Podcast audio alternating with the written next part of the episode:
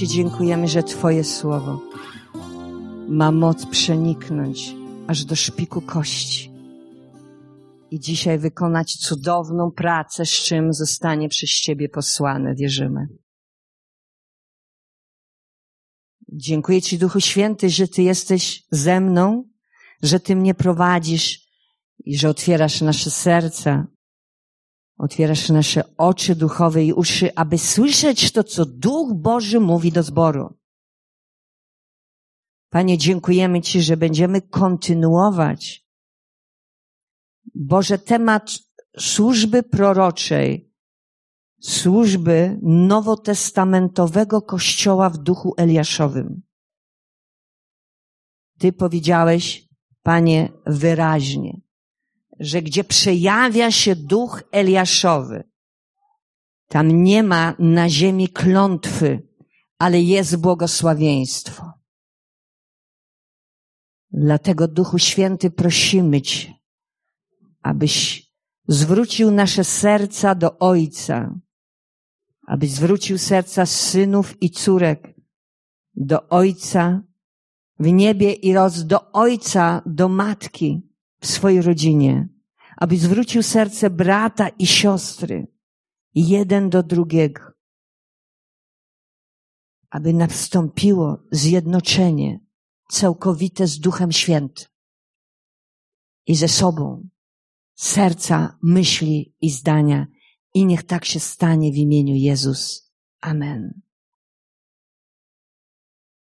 Potem rzekł Eliasz do Achaba, podnieś się, jedz i pij, gdyż słychać szum ulewnego deszczu. Fizycznie można powiedzieć, nic się nie działo. Ale w jego sercu był już dźwięk obfitości deszczu. Najpierw człowiek Boży potrzebuje zobaczyć coś wewnątrz, od wewnątrz, zanim zobaczysz coś na zewnątrz.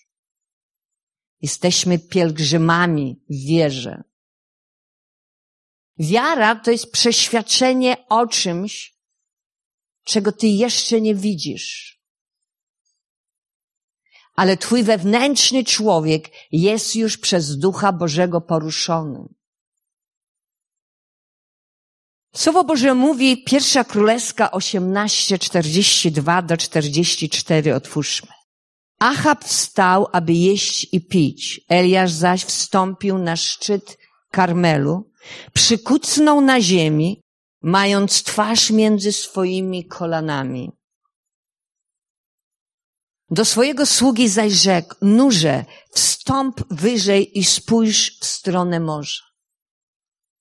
A ten wstąpiwszy i spojrzawszy rzekł, nie ma nic. Eliasz przyjął postawę przykucnięcia na ziemi mając twarz między swoimi kolanami. To jest postawa przygotowania do rodzenia, zrodzenia czegoś. Fizycznie i w duchu. Słowo Boże mówi, że jedną rzeczą jest mieć obietnicę od Boga.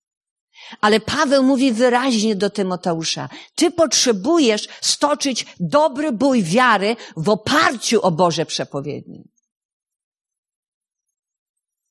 Otrzymujesz słowo rema od Boga.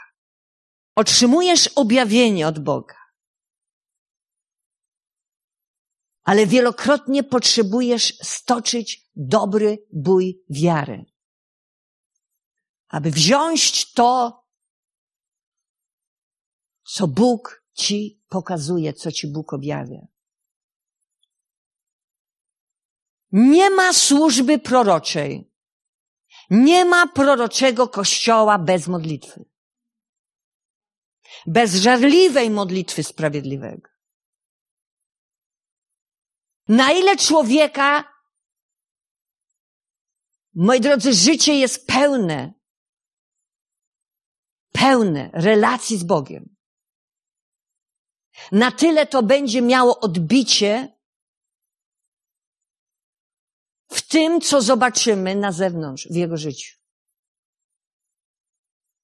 Powiedział do swojego sługi, nurze wstąp wyżej i spójrz w stronę morza. W kościele zwykle jest tak, że poprzez namaszczenie, co jest łaską od Boga, niektórzy widzą głębiej i wcześniej niż inni. Ale to wcale nie znaczy, że Bóg chce, żeby w ostateczności cały Kościół zobaczył. Ponieważ on powiedział do swojego sługi, rzekł, nurze wstąp wyżej i spójrz w stronę morza. On chciał zobaczyć, żeby on zobaczył to, co on, prorok, widzi. Prawdziwe uczniostwo w Kościele Jezusa Chrystusa polega na pomnożeniu siebie samego w drugim człowieku. Słowo Boże mówi, mamy być myśli Chrystusowej, mamy być serca Bożego. I kiedy ty posługujesz drugiemu człowiekowi, Bożemu człowiekowi, aż dziecku Bożemu, zauważasz, że ten człowiek przyjmuje Twoje namaszczenie. Przyjmuje, moi drodzy, pewne nawyki Boże z Twojego życia. Pewne Boże zachowania z Twojego życia. Sługa, wstąpiwszy i spojrzawszy, rzekł, nie ma nic. I rzekł do niego, powtórz to siedem razy. Liczba siedem w profetycznym znaczeniu oznacza pełnię. Tam, gdzie jest działanie autentyczne Boga. Powtarzam, tam, gdzie jest działanie autentyczne Boga, Boga, wtedy tam już się nie poprawia, bo On robi wszystko tak, jak Jego dzieło zbawcze jest doskonałe raz na zawsze. Amen. A ten Mówi, tam nic nie ma. I rzekł do niego, powtórz to siedem razy. W Królestwie Bożym człowiek Boży potrzebuje żyć w wierze, ale to nie wystarczy. Potrzebuje żyć wytrwałości w wierze. Rzeczy zazwyczaj nie przychodzą od razu. Powtórz to siedem razy. Rzeczy przychodzą na posłuszeństwo dla głosu Bożego. Posłuszeństwa dla mojego głosu chcę, mówi Słowo Boże, a nie ofiary. Za siódmym razem rzekł, oto maleńka chmurka, jak dłoń ludzka, wznosi się z morza. Wtedy rzekł, idź i powiedz Achabowi, zaprzęgaj, jedź, aby cię ulewa nie zaskoczyła. Kiedy człowiek jest posłuszny, on jest w stanie zobaczyć i wziąć to, co Bóg dla niego ma. Gdy przeczytamy o tym w liście do Jakuba, piąty rozdział 17-18, zobaczymy, że Eliasz był człowiekiem podobnym do nas. I modlił się usilnie, żeby nie było deszczu. I nie było deszczu na ziemi przez trzy lata i sześć miesięcy. Potem znowu modlił się i niebo spuściło deszcz i ziemia wydała swój plon. Co to znaczy? Życie Eliasza było życiem modlitwy. Nie powiedział, że modlił się aż siedem razy, ale że się modlił. Mimo, że siedem razy czytamy, że posłał swojego sługę. Była to tylko jedna modlitwa. Ja mogę powiedzieć wprost, wiele może usilna modlitwa sprawiedliwego. Nie zniechęcaj się. Jeśli jeszcze dzisiaj nie widzisz tego, co Bóg ci obiecał. Bo nasz Pan jest wiernym Bogiem. Słowo Boże mówi, że mamy modlić się nieustannie i zadają ludzie pytania, co to znaczy nieustannie się modlić. Ja nie sądzę, że chodziło mu o to, że 24 na dobę ludzie się modlą, chociaż czasami, kiedy jesteś prowadzony przez Ducha Bożego, Bóg ci daje siłę i moc do tego. Ale Twój stan czuwania, Twoja relacja z Bogiem, rozmowa z Bogiem, kiedy śpiewasz Mu pieśni, kiedy wyznajesz Jego Słowo, kiedy medytujesz nad Jego Słowem, to jest nieustanna modlitwa. Kiedy zasypiasz w Nim, kiedy Bóg mówi do Ciebie w śnie czy w wizji, to jest modlitwa. To jest rozmowa z Bogiem. Poprzez skierowanie Twojej uwagi na swojego Boga. Amen. Kiedy Go uwielbiasz, modlisz się, kiedy z Nim rozmawiasz, kiedy rozmawiasz o Nim, kim On dla Ciebie jest, co On dla Ciebie zrobił, kiedy modlisz się w imię Jezusa Chrystusa o innych, do Ojca, kiedy nauczasz objawionego Słowa Bożego, które nie tylko pracuje w Twoim sercu, ale ma moc pracować w sercu innego człowieka kiedy pozostajesz w Bożym odpocznieniu, kiedy zanurzasz się w Bożej obecności w Nim, odpoczywasz w Nim. Istnieje w tym momencie tylko On dla Ciebie i nikt więcej. Eliasz modlił się jedną modlitwą wedle, według Jakuba, a jednak posłał swojego sługę siedem razy. To była ciągła modlitwa, nieustanna, aby otrzymać i zobaczyć rozwiązanie, aby potem mógł widzieć tą chmurkę. Chodził w wierze, żeby uwierzyć, że trzyletnia susza zakończy się widokiem chmury wielkości dłoni. Mężczyzny. Dalej czytamy w wersecie 45 do 46. Tymczasem niebo pokryło się chmurami. Zadął wiatr i spadł ulewny deszcz. Achab więc wsiadł na rydwan i pojechał do Jezreelu. Eliasza zaś ogarnęła moc Pana, bo przepasawszy swoje biodra, biegł przed Achabem aż do wejścia do Jezreelu. Pomiędzy górą Karmel a Jezreel jest około 20 mil. A Eliasz wyprzedził Achaba, który miał znaczną przewagę i rydwan. Eliasz był tak napompowany przez doświadczenie z Bogiem, z Bożymi prorokami, naładowany mocą Bożą, która go ogarnęła. Moc działającego Słowa Bożego była w nim taka wielka, że był wystrzelony jak torpeda, która pozwoliła mu wyprzedzić Achaba. Słowo Boże mówi, niech Słowo Boże mieszka w was obficie.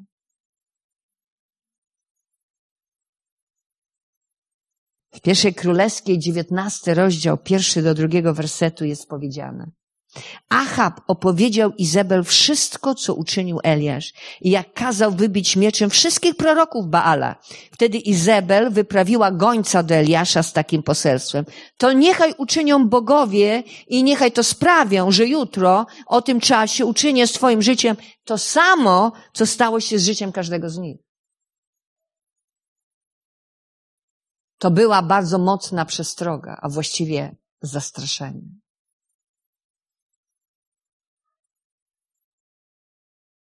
Izabel karmiła wszystkich tych proroków, oni jedli przy jej stole. A ona, zajmując się nimi, czerpała z nich zyski.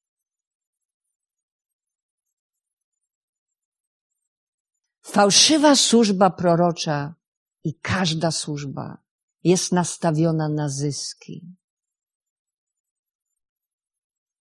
a nie na wywyższenie Jezusa.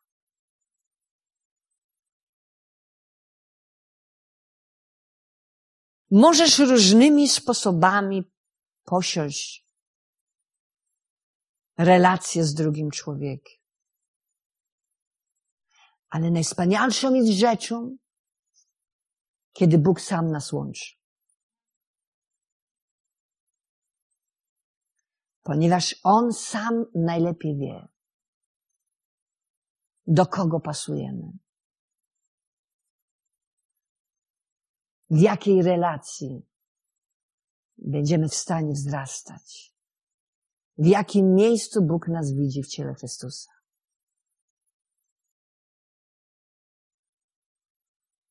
Całkowicie Izabel odrzuciła Boga. Nie honorowała Eliasza i nie pokazała się na górze, gdzie został wezwany cały naród, wyrażając tym swoją złość i pokazując tym, że ona go nie lubi. Prawdziwych proroków to wielu nie lubi. Każda prawdziwa służba. Potrzebujemy stwierdzić obiektywnie, nie jest zawsze mile widziana. Dlaczego? Dlatego, że konfrontuje, dlatego, że objawia prawdę, z którą trzeba coś zrobić. Trzeba się do niej ustosunkować, a czasami jest bardzo trudno.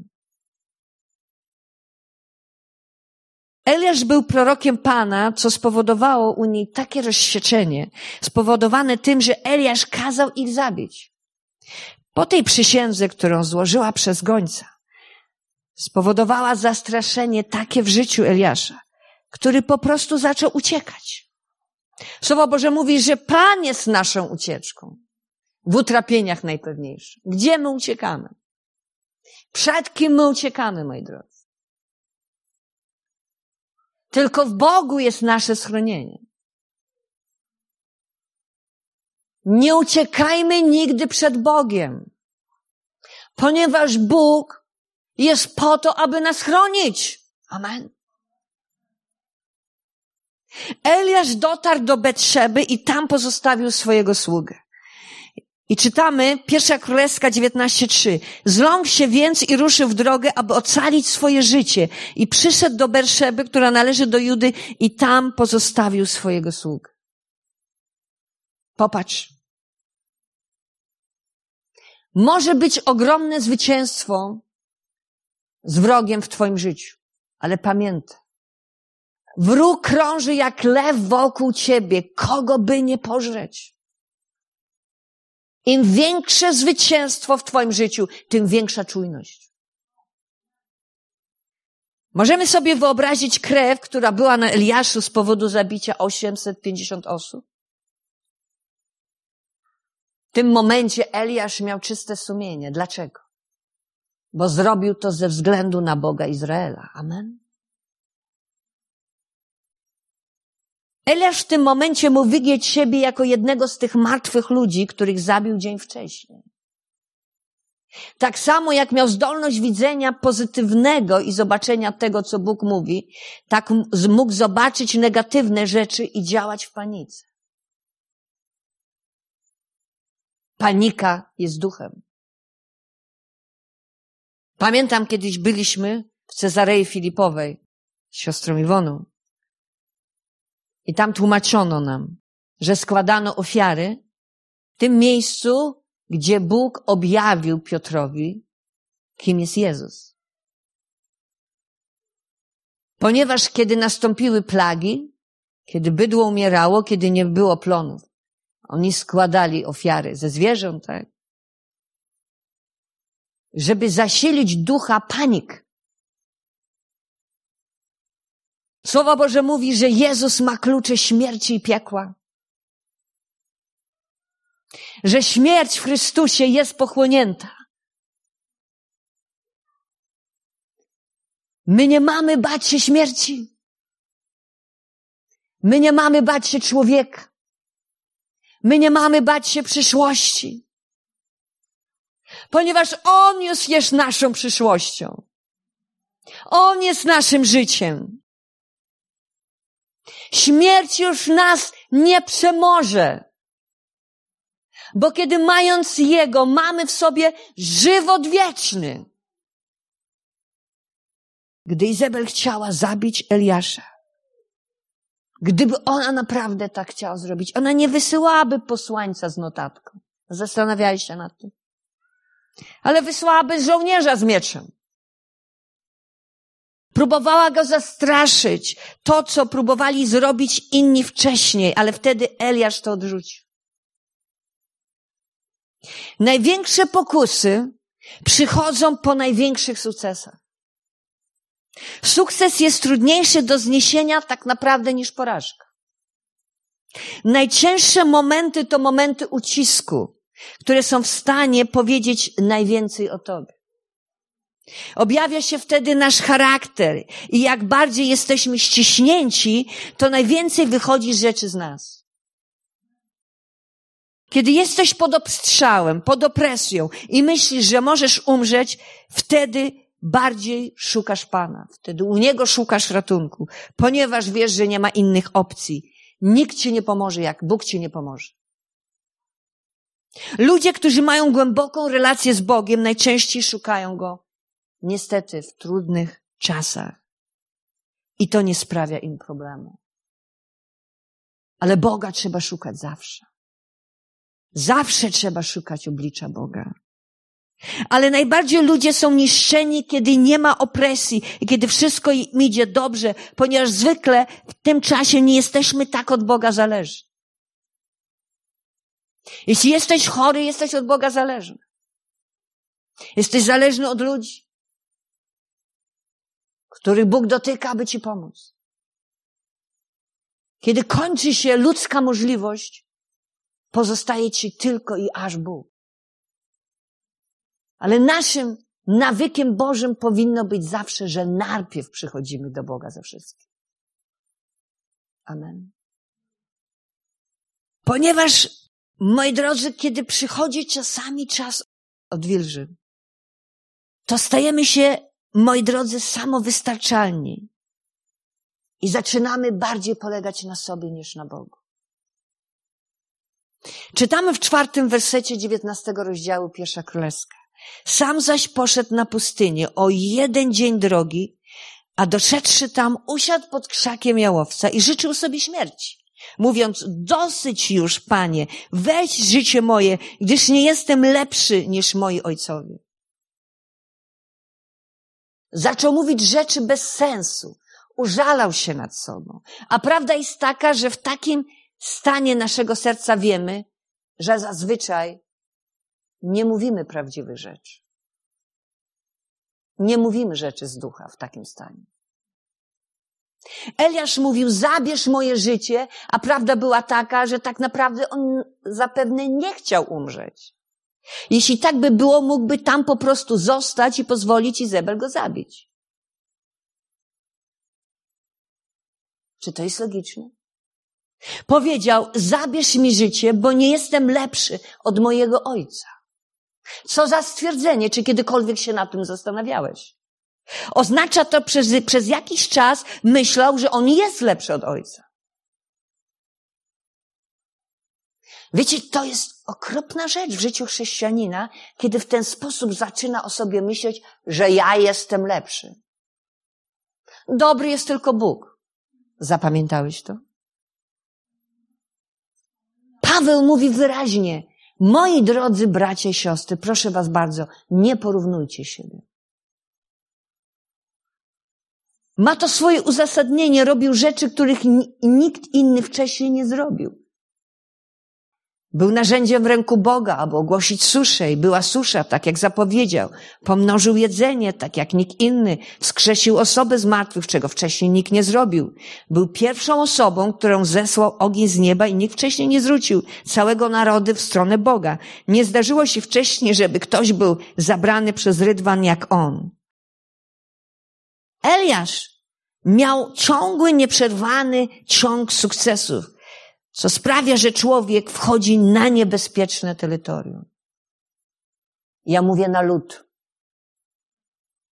Może się łatwo poślizgnąć, może się łatwo załamać. Kiedy zaczynasz myśleć, że jesteś lepszy, bo Bóg okazał ci łaskę, że mogłeś zrobić więcej niż ktoś inny. Paweł to rozumiał i podkreślił to. Ale czy ja i ty to rozumiemy? Myślał, że jest lepszy od ojca, chociaż już słyszał raport Obadiasza. Czytamy pierwsza królewska 18:4, że było jeszcze stu proroków Pana, którzy byli ukryci i karmieni, a jednak Eliasz powiedział o sobie, pozostałem tylko ja sam, jeden z proroków Pana. Co dzisiaj ludzie Boże robią? Żeby podnieść swój autorytet w służbie, podstawiają nogę innej służbie. Publicznie i za plecami. Jest jeden sędzia i zakonodawca, Jezus Chrystus. A ty kim jesteś, że osądzasz bliźniego? Kim ty jesteś?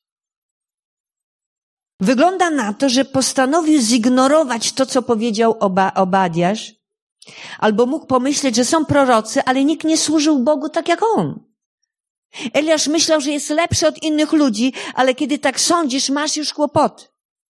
Zaczynał od bycia totalnie zależnym od Boga, całkowicie ufał Bogu i na nim polegał, ale kiedy zobaczył sukces, przeniósł swoją tożsamość, która była w Bogu, do tego, kim się stał przez to, co zrobił. Bo ja, bo to ja. Najgorszą rzeczą w życiu człowieka jest to, że przenosisz swoją tożsamość w Chrystusie na to, co ty robisz i kim jesteś. Jest łatwo być zależnym od Boga, kiedy człowiek nie widzi niczego w naturalnej rzeczywistości i nie ma nic, na czym mógłby oprzeć swoją wiarę, tylko na otrzymanym słowie Boga. Ale kiedy dostrzega w swojej służbie sukces, wielu ludzi odsuwa swoją pewność od tego, co Bóg włożył ich serca i kierują swoją uwagę na to, co widzą na to, co odczuwają. Zaczynają wierzyć, że jest sukces ze względu na ich wielkość, a nie na wielkość naszego Boga, a nie na łaskę naszego Boga.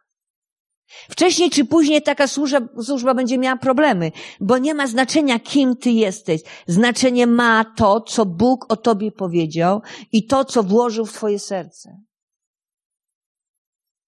Znaczenie jest to i ma że jesteśmy aż synami, córkami samego Boga. Amen. Eliasz przeniósł swoją pewność siebie i wiarę z Pana na siebie. I to był powód, dla którego wierzę, że on zawiódł.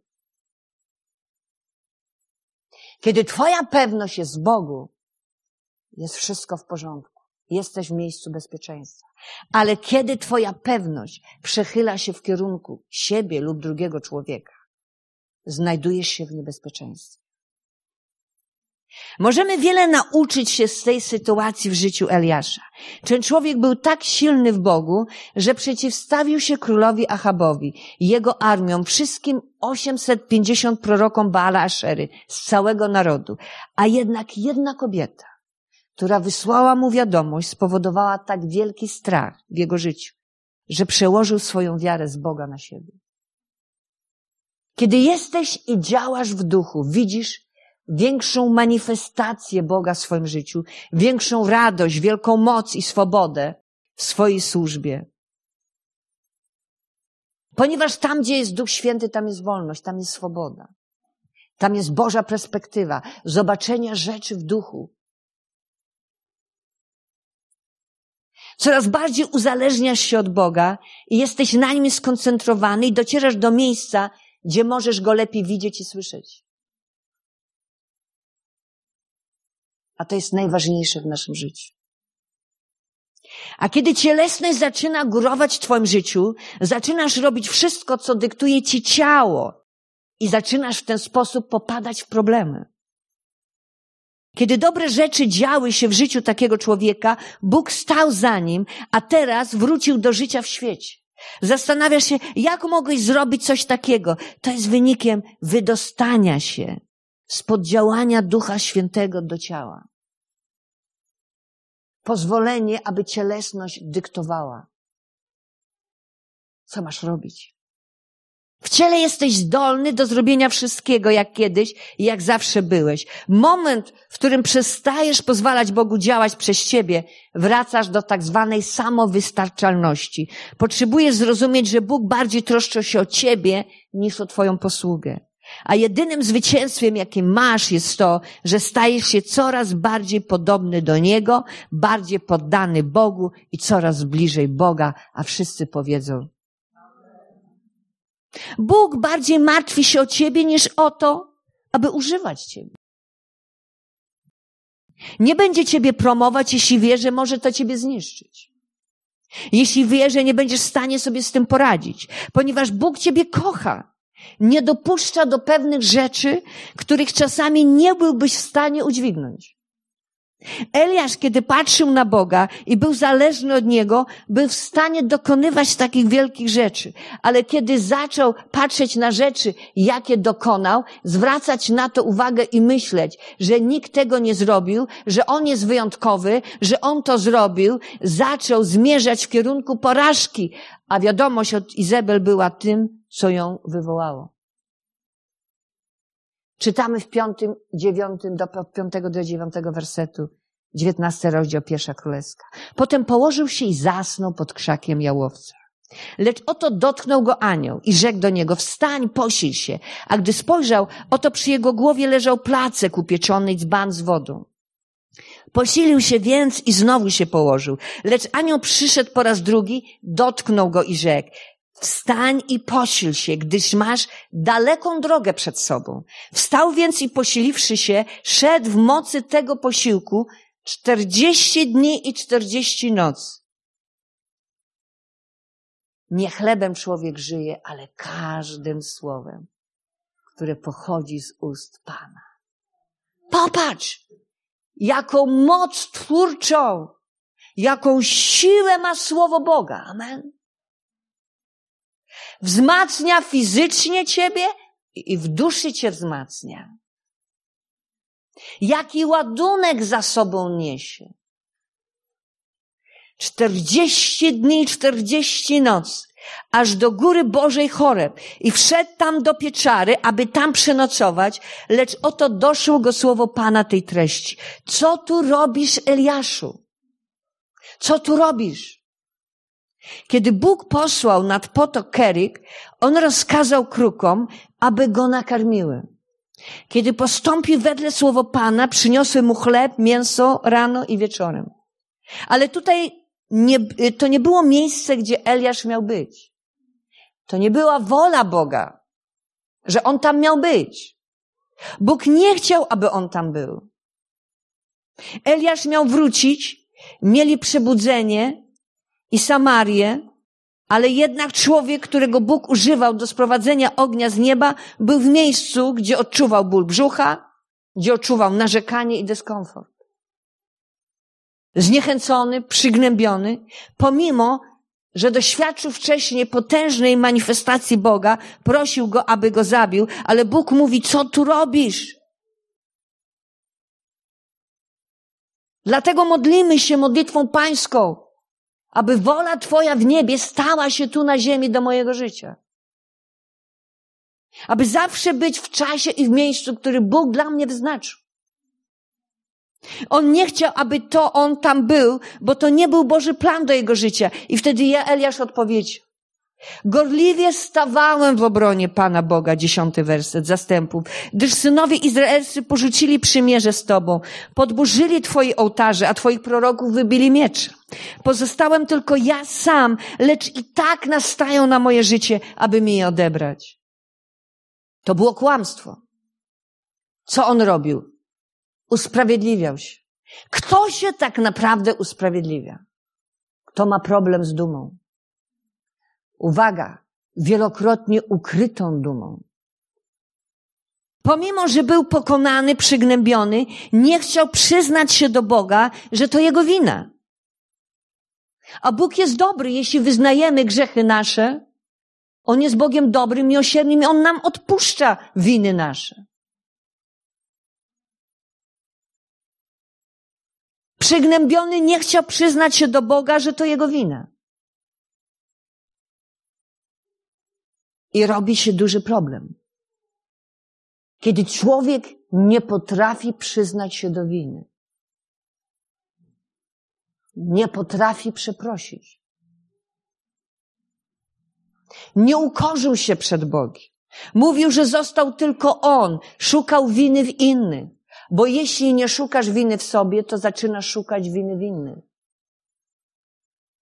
Wiele razy ludzie mówią o tym, że jest im ciężko w służbie i że nikt nie jest w stanie za nich pewnych rzeczy zrobić. Obwiniają innych ludzi za stan, w jakim jest kościół czy miasto. Wiecie dlaczego tak jest? Bo inni ludzie nie podejmują odpowiedzialności i nie robią zadań tak, jakby robili dla Pana. Tylko niedbale. Więc trzeba po nich poprawiać. Jest to rodzaj wymówki, a zawsze jest inny winny. I tak robił Eliasz. To nie była właściwa odpowiedź. Pan zapewne dał mu próbę sprawdzenia, czy żałował. My wszyscy jesteśmy testowani. Przechodzimy próby i doświadczenia do końca naszego życia. Wiecie dlaczego? Bo uczymy się do końca naszego życia. W jedenastym wersecie czytamy, wyjdź i stań na górze przed Panem. A oto Pan przychodził, a wicher potężny i silny, wstrząsający górami, kruszący skały, szedł przed Panem, lecz w tym wichrze nie było Pana. A po wichrze było trzęsienie ziemi, lecz w tym trzęsieniu ziemi nie było Pana. Przychodzi mi słowo Pana, w ciszy i zaufaniu jest Twoja moc. Amen. Wielokrotnie szukamy Boga potężnych manifestacjach, a Bóg może przyjść niedostrzegalnie, jak cichy powiew, cichy szept, oddech, łagodny, cichy głos. Eliasz sam siebie oszukiwał. Mówił Bogu, tylko ja Ci służę. Nigdy nie jesteś jedynym, który kocha Boga. Nigdy nie jesteś jedynym usługującym, który służy Bogu. Eliasz wiedział, że są inni prorocy, ale prawdopodobnie pomyślał, że nie są to prorocy jego kalibru. Może nie głoszą pełnej Ewangelii, nie mają takiego objawienia, nie głoszą prawdziwego Słowa Bożego. To jest nieboży sposób, nieboża postawa i nieboże podejście. Kiedy to się stało, Pan musiał z nim porozmawiać, bo się źle działo. Eliasz zaczął od utrzymywania relacji z Bogiem, był nikim i nikt go nie znał. Pojawił się nagle na platformie. Kiedy zaczynał, był po prostu słowem od Boga posłanym. Był spokojny, ale pomimo, że wiedział, że widział tak wiele potężnych dzieł Bożych, odszedł od intymnej zależności od Boga, wpadł w coś innego i łatwo jest wtedy przenieść swoją osobę pozostającą na utrzymywaniu się blisko Boga i wierze w Boga na inne rzeczy, na siebie samego. Pan przyszedł, było niesamowite trzęsienie ziemi, potem ogień. Ale w tych spektakularnych rzeczach Boga nie było. Kiedyś Duch Boży przemówił do mnie. Wiele lat temu. Ja jestem Bogiem dziwnym. Bóg nas zaskakuje. Bóg objawił mu się przez cichy głos. Bo myślę, że Bóg chciał go zabrać do miejsca pokory. Pamiętacie? Chodźcie do mnie, którzy niesiecie brzemiona, troski, jesteście obciążeni, bo ja jestem cichy i pokornego serca. Cichy, łagodny duch, w którym Bóg ma upodobanie. Chciał, żeby wrócił do miejsca pokory, do relacji z Eliaszem od której Eliasz uciekł. Uświadomić mu, że ta relacja sprawiła, że on jest tym, kim jest. Że wydarzyły się rzeczy, które on widział i od których on właśnie uciekał. Wiele razy niestety te rzeczy wydarzają się w naszym życiu, że my już nie mamy tak bliskiej relacji z Bogiem jak kiedyś. Te rzeczy, które nas doprowadziły do miejsca, w którym można zobaczyć Boga, porzuciliśmy to. Użyliśmy Go tylko po to, aby uzyskać to, czego dzisiaj najbardziej chcieliśmy. Zdobycia uznania, poczucia ważnym, zdobycia własnych samolubnych rzeczy.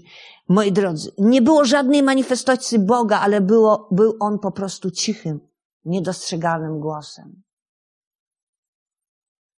Ponieważ Bogu nadal na Eliaszu zależało.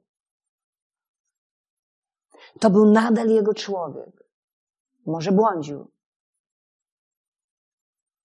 ale chciał go skorygować, bo kogo Bóg miłuje, tego dyscyplinuje. Powiedz, kogo Bóg miłuje, tego dyscyplinuje.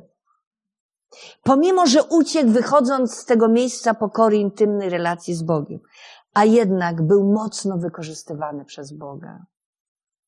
Dlaczego? Bo Bóg jest miłosierny. Dawid to zobaczył.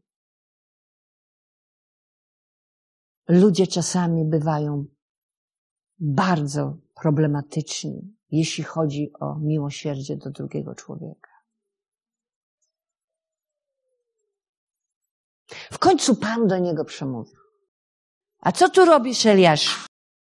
Bóg nie powtarza się często. W zasadzie nie usłyszysz od Niego więcej, dopóki nie zareagujesz na to, co ostatnio powiedział. Mówi przez sen, mówi przez wizję, mówi przez pastora, mówi przez brata, siostrę, mówi przez Słowo Boże, przez książkę chrześcijańską. Ale ty z tym nic nie robisz. Mówi raz, drugi, trzeci. A dlaczego Bóg do mnie nie mówi, tak jak do tamtej siostry czy brata? A co ty z tym zrobiłeś? Co ty z tym zrobiłeś? Eliasz nie zdał pierwszego testu. Co tu robisz, Eliaszu? Zamiast mówić, że zawiódł, żeby Bóg mu wybaczył, wyznać swoją dumę, zamiast się ukorzyć, obwiniał wszystkich innych. A on odpowiedział, gorliwie stawałem w obronie Pana Boga zastępu. Gdyż synowie izraelscy porzucili przymierze z Tobą, Twoje ołtarze pobożyli, a Twoich proroków wybili miecz. Pozostałem tylko ja sam, lecz i tak nastają na moje życie, aby mi odebrać. Mówił o czym? O swojej wierności, że jest jedyny i musi się zmagać.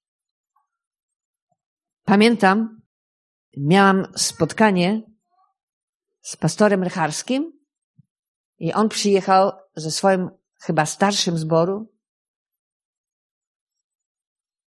Bynajmniej był to człowiek z zarządzi. No i po rozmowie oni się za mnie modlili. I ten człowiek popatrzył na mnie i powiedział tak. Pastorze, ja nie znam pastora osobiście, pastora służby, życia, ale cały czas przychodzi mi tylko jedno słowo, wierna.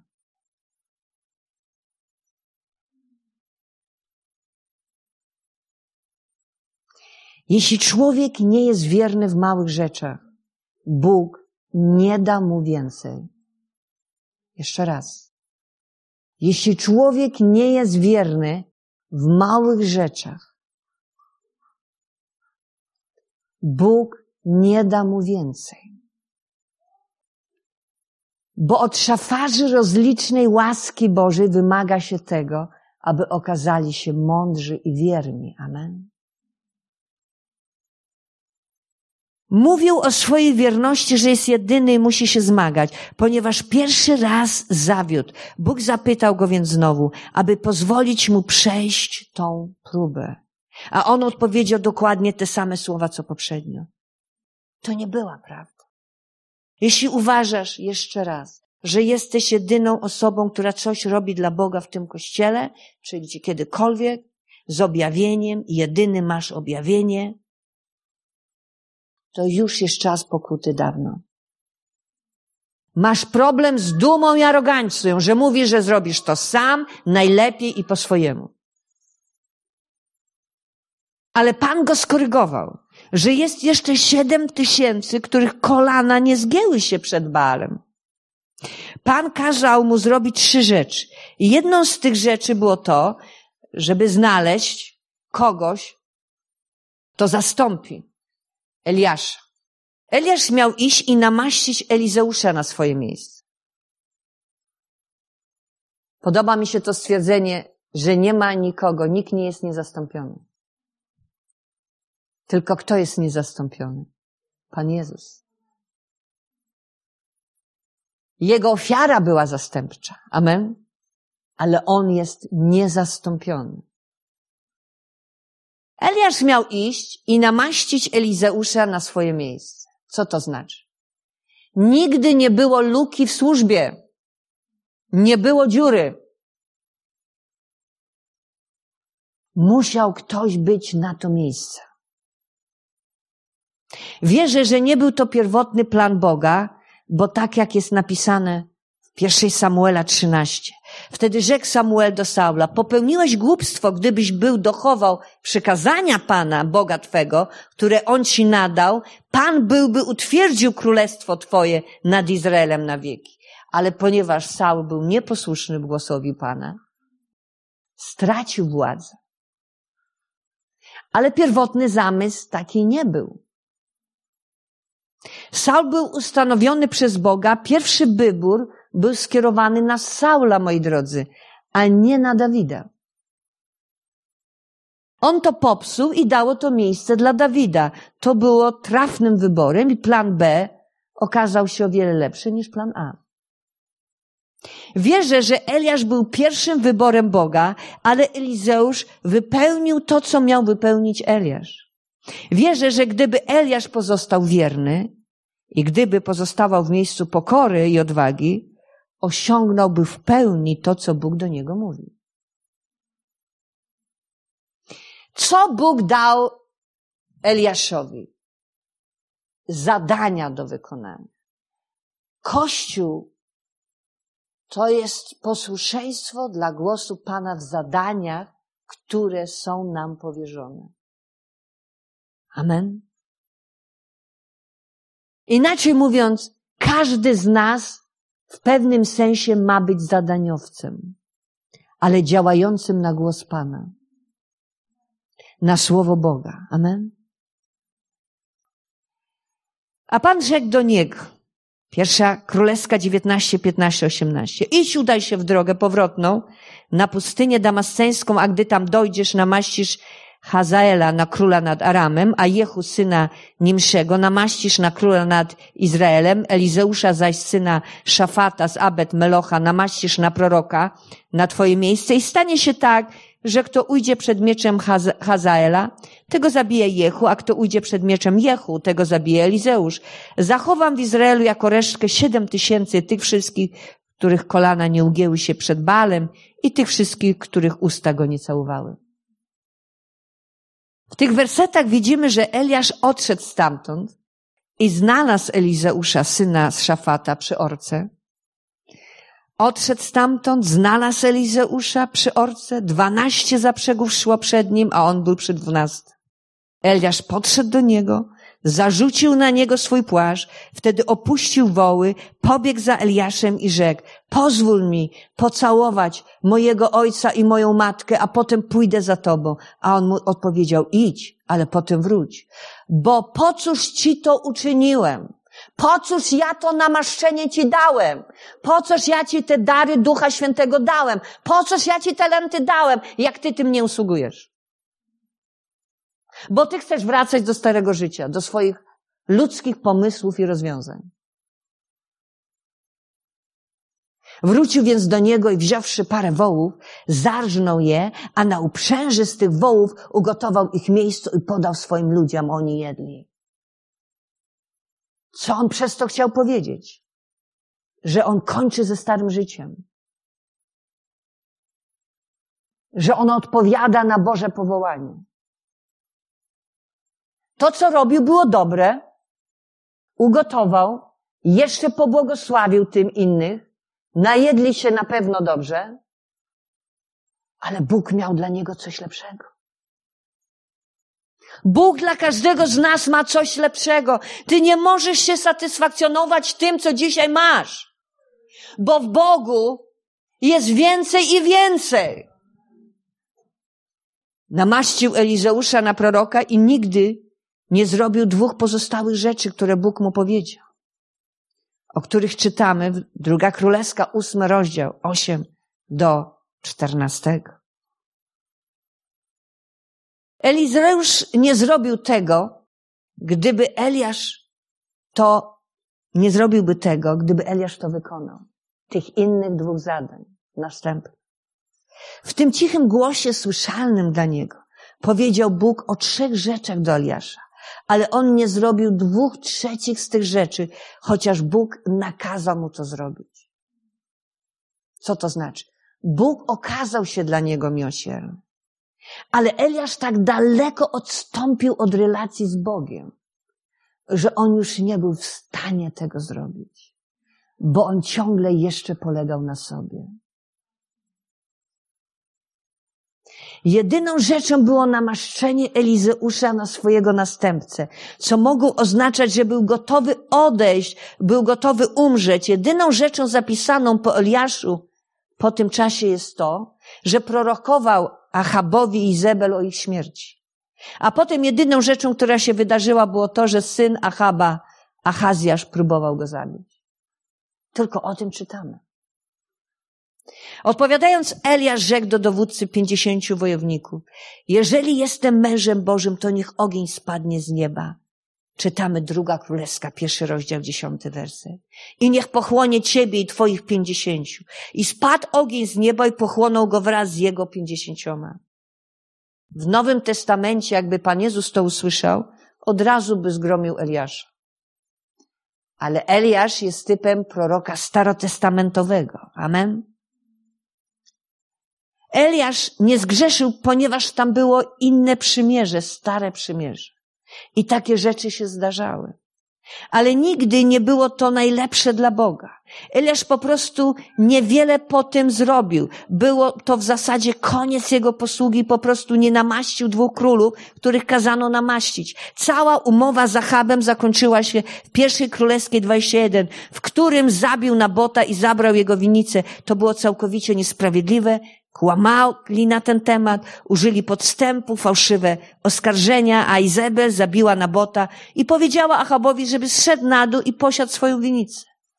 Gdyby Eliasz namaścił Jehu na króla, a nie jeden z uczniów prorockich, pamiętajmy, to jest inny wymiar namaszczenia, kiedy idzie prorok takiego wymiaru. Amen? Wysłanych przez proroka Elizeusza ta sytuacja prawdopodobnie mogłaby się nie wydarzyć. Moi drodzy, kiedy olej został wylany na głowę Jehu, kiedy czytamy, a gdy tam przybędziesz, druga królewska, dziewiąty rozdział, dwa do trzynaście, rozejrzyj się za Jehu, synem Jehoszafata, syna Nimszego, zajdź do niego, wyprowadź go z grona jego towarzyszy, przeprowadź go poprzez izby, potem weź z ban z olejem i wylej na jego głowę i powiedz, tak mówi Pan, namaściłem cię na króla izraelskiego. Kiedy olej został wylany na głowę Jehu i wypowiedziane słowa prorocze, namaściłem cię na króla nad Izraelem, wszyscy wstali i uhonorowali Boże powołanie i zgodzili się z Bożą wyrocznią. Wtedy Jehu dopiero przybył do Jezreel i zabił Izabel. Wjechał do bramy i pyta się go, czy masz się dobrze, Zimri, morderco swego pana? On zaś, zwróciwszy się twarzą ku oknu, zawołał, kto ze mną trzyma? Kto? Wtedy wyjrzeli ku niemu dwaj czy trzej enuchowie. On zawołał, zrzućcie ją. Wtedy oni ją zrzucili, a jej krew obryzgała ścianę i konie, które ją stratowały. On zaś wszedł, a najadszy się i napiwszy się powiedział, Rozejrzyjcie się za taką przeklętą, za tą przeklętą i pochowajcie ją, wszak to córka królewska. Kto się rozprawił z Izabel? Kto to był Jehu? Król.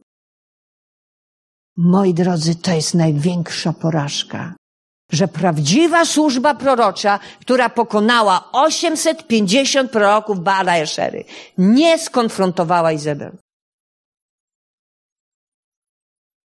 Potem przejął królestwo, oczyścił cały kult Baala, oszukał proroków Baala, wszystkich jego czcieli, wszystkich jego kapłanów, mówiąc. Potem Jehu zebrał cały lud i rzekł do niego, Achab, mało służył Baalowi i Jehu służyć mu będzie więcej. Jehu zwołał wszystkich ludzi razem i po tym, jak znalazła się tam każda osoba w narodzie, która była związana z kultem Baala, zamknął bramy i kazał swoim armiom wejść i zabić wszystkich. To było okrutne. Gdyby Eliasz namaścił Jehu na króla, Achab byłby martwy, Izabel byłaby martwa, nikt nie zostałby poza tym zabity. Nie umarłby Nabot, bo wie, że, że jego śmierć byłaby, była wynikiem tego, że Eliasz nie zrobił tego, co mu Bóg powiedział. Eliasz był właściwie odpowiedzialny moim zdaniem za jego śmierć. Wierzę, że naród cierpiał z powodu jego nieposłuszeństwa, a Eliasz był drugą opcją, drugim wyborem. Nigdy nic takiego by się nie zdarzyło, gdyby Eliasz wypełnił swoją posługę. Wielu jest ludzi w służbie, którzy nie są pierwszym wyborem od Boga, ale drugim. Być może ubieramy płaszcz, do którego wyzwano kogoś innego. Może to z powodu ich dumy, może z powodu ich nastawienia, że są jedynymi powołanymi przez Boga. Ale dzisiaj Bóg chce nas uratować przed tym syndromem Eliasza, samoużalania, samowywyższenia, samopromocji, pychy duchowej. Bóg nas używa, dlatego, że jesteśmy dla Niego dostępni, dlatego, że odpowiadamy na Jego głos, dlatego, że pokładamy w Nim ufność, a lud Boży powie. Ale kiedy zaczniesz myśleć, że Bóg cię używa z powodu, kim jesteś i co zrobiłeś, idziesz w złym kierunku, potrzebujesz się zatrzymać, potrzebujesz pokutować, dzisiaj jest dzień łaski, dzisiaj jest dzień zbawienia, powołanie Boga oparte jest na Bożej łasce, a nie na działaniu, a nie na Twojej dobroci ale na dobroci Boga. Bóg będzie nas promować i używać na podstawie tego, jak będziemy reagować na pewne rzeczy, czy po Bożemu, czy nie. To był test, który dał Eliaszowi. Eliasz nie ukorzył się i kontynuował swoją arogancję, mijając się rzeczami od Boga. Otrzymujemy dary i powołanie z łaski, jako prezent od Boga, które nie są oparte na naszych tak naprawdę osiągnięciach. Czytasz, dary łaski. Ale jeśli chodzi o obszar wpływu w Twojej służbie, zależy to od wielu rzeczy. Zależy to od Twojego charakteru. Bóg nie stoi za promowaniem osoba, osoby, która nie będzie dokładnie go reprezentować, która nie będzie miała charakteru Jezusa. Jeśli wpadniesz w tego rodzaju rzeczy, które zrobił Eliasz, Bóg daje ci powtórkę, patrząc, czy ty się nauczyłeś czegoś ze swoich błędów, czy nie. Czy nadal jesteś arogancki, czy nadal jesteś pyszny. Bóg może sk- skrócić twoją posługę. Bóg może zmniejszyć twój wpływ. Bóg nagradza przede wszystkim wierność. Bóg ma idealny plan dla każdego z nas, a możesz go osiągnąć tylko wtedy, kiedy jesteś blisko z Bogiem, kiedy pozostajesz uniżony przed Bogiem człowiekiem. Drugie królewskie w drugim rozdziale. Potrzebuję teraz muzyki. Widzimy, że nastąpiło w niebo wzięcie Eliasza. Eliasz człowiek, który dokonał tych wielkich rzeczy, a potem poniósł porażkę. Bóg pomimo wszystko przemówił do niego słyszalnym głosem. A on po prostu odmówił zrobienia dwóch trzecich rzeczy. A jednak chodził z Panem do tego stopnia, że nastąpiło wzięcie Jego do nieba i nigdy nie umarł. Nie wypełnił swojej posługi. Nie zrobił wszystkiego, co Bóg mu powiedział. Skończył przed czasem swoją służbę, a jednak Bóg okazuje mu łaskę. Nigdy nie był w stanie tam wrócić, ponieważ jego zaufanie było do niego samego, a jednak chodził z Panem w stopniu, w jakim został uniesiony do nieba. Kiedy Eliasz miał zostać wzięty do nieba, Eliasz rzekł do Elizeusza, pozostań tutaj, gdyż Pan posłał mnie aż do Betelu. Lecz Elizeusz odpowiedział, jako żyje Pan, jako żyjesz Ty, że Cię nie opuszczę. I stąpili do Betelu. Ta rzecz stała się trzy razy. Eliasz chciał gdzieś iść, do Betelu, do Jericha, do Jordanu. I sugerował Elizeuszowi, żeby pozostał na miejscu, a na to Eliasz zawsze odpowiadał. Jako żyje Pan, jako żyjesz Ty, że Cię nie opuszczę. Bracie i siostry, Słowo Boże mówi, bądźcie naśladowcami bohaterów wiary. Paweł mówi, idźcie w ślady Jezusa. Pan mówi, idźcie w moje ślady. Dzisiaj Duch Boży do nas mówi wyraźnie. Idź za Panem. Słowo Boże mówi wyraźnie. Weź swój krzyż i naśladuj Ale Słowo Boże mówi, żeby też naśladować bohaterów wiary. Żeby iść za nimi, za ich przykładem. Żebyś nie opuszczał Boga, ale też nie opuszczał tych, który Bóg postawił na Twojej drodze, aby Ciebie prowadzili. On po prostu trzymał się Eliasza. Eliasz miał taką samą koncepcję, jaką Eliasz miał na początku być w swoim miejscu, w miejscu wyznaczonym przez Boga. Eliasz wiedział, co się stanie z Eliaszem. Elizeusz wiedział, co się stanie z Eliaszem. I odmówił pozostania w tych miejscach. Wiedział, że jego miejsce jest przy Eliaszu. Każdy z nas musi zrozumieć, że nasze miejsce jest przy Bogu. Że nasze miejsce jest w ciele Chrystusa. Przy tych, którzy są dla nas wzorcem naśladowania wiary. Nie przyjmował odmowy i dlatego Elizeusz był wierny Bogu.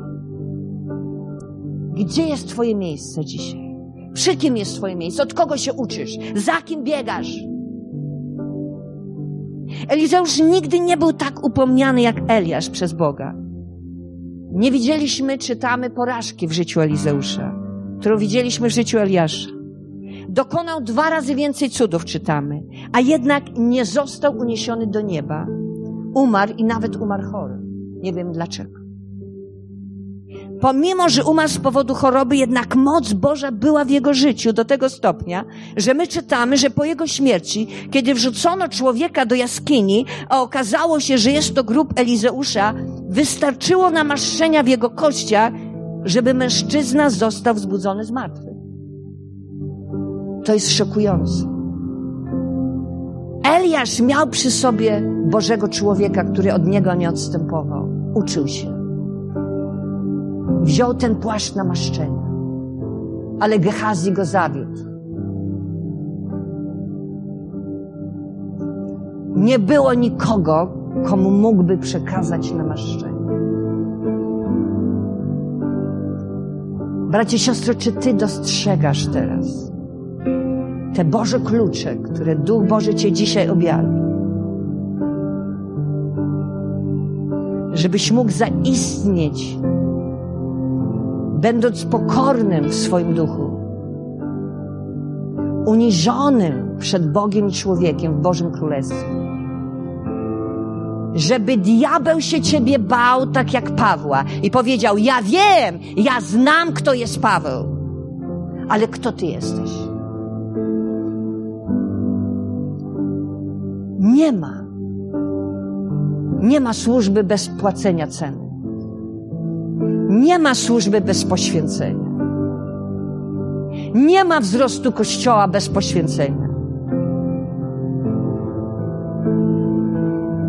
Pan Jezus zapłacił cenę, aby powołać Kościół.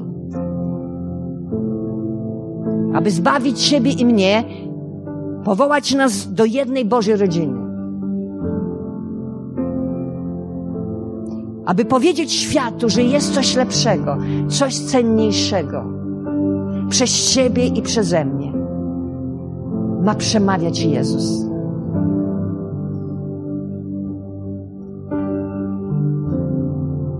Było tyle namaszczenia w Jego kościach, że zmarły człowiek powstał. Moi drodzy, jest teraz czas głębokiej refleksji. Czy jesteś ten, który staje w miejscu służby pojednania, służby Eliaszowej, służby Chrystusa? Czy jesteś człowiekiem, który w pokorze swojego serca i uniżoności oczekuje na Pana? Który uznaje Boga, który uznaje drugiego człowieka, aby samemu być uznanym. Który daje mu respekt i szacunek, aby kiedyś ten respekt i szacunek stał się Twoim udziałem. Bo to, co siejemy, to my zbierzemy. Ja nie wiem, dlaczego Elizeusz umarł chory. Wierzę, że był bardziej wierny Bogu niż Eliasz ale nie miał takich samych rezultatów. Bo z łaski, bo z łaski jesteśmy tym, kim jesteśmy. Kiedy zaczynasz widzieć sukces w swojej służbie, kiedy zaczynasz odczuwać, że coś zrobiłeś wartościowego, ważnego, proszę Ciebie, W imię Jezusa. Przylgnij bardziej do Boga. Uzależnij się bardziej od Boga. Bo kiedy zaczynasz być coraz bardziej rozpoznawalny, kiedy Twoja służba wzrasta, możesz zmierzać w kierunku upadku, kiedy widzisz siebie, że jesteś rozpoznawalny i że jesteś jedyny, który posługuje w Bożym Królestwie z mocą i autorytetem. Z mocą głosi Słowo Boże.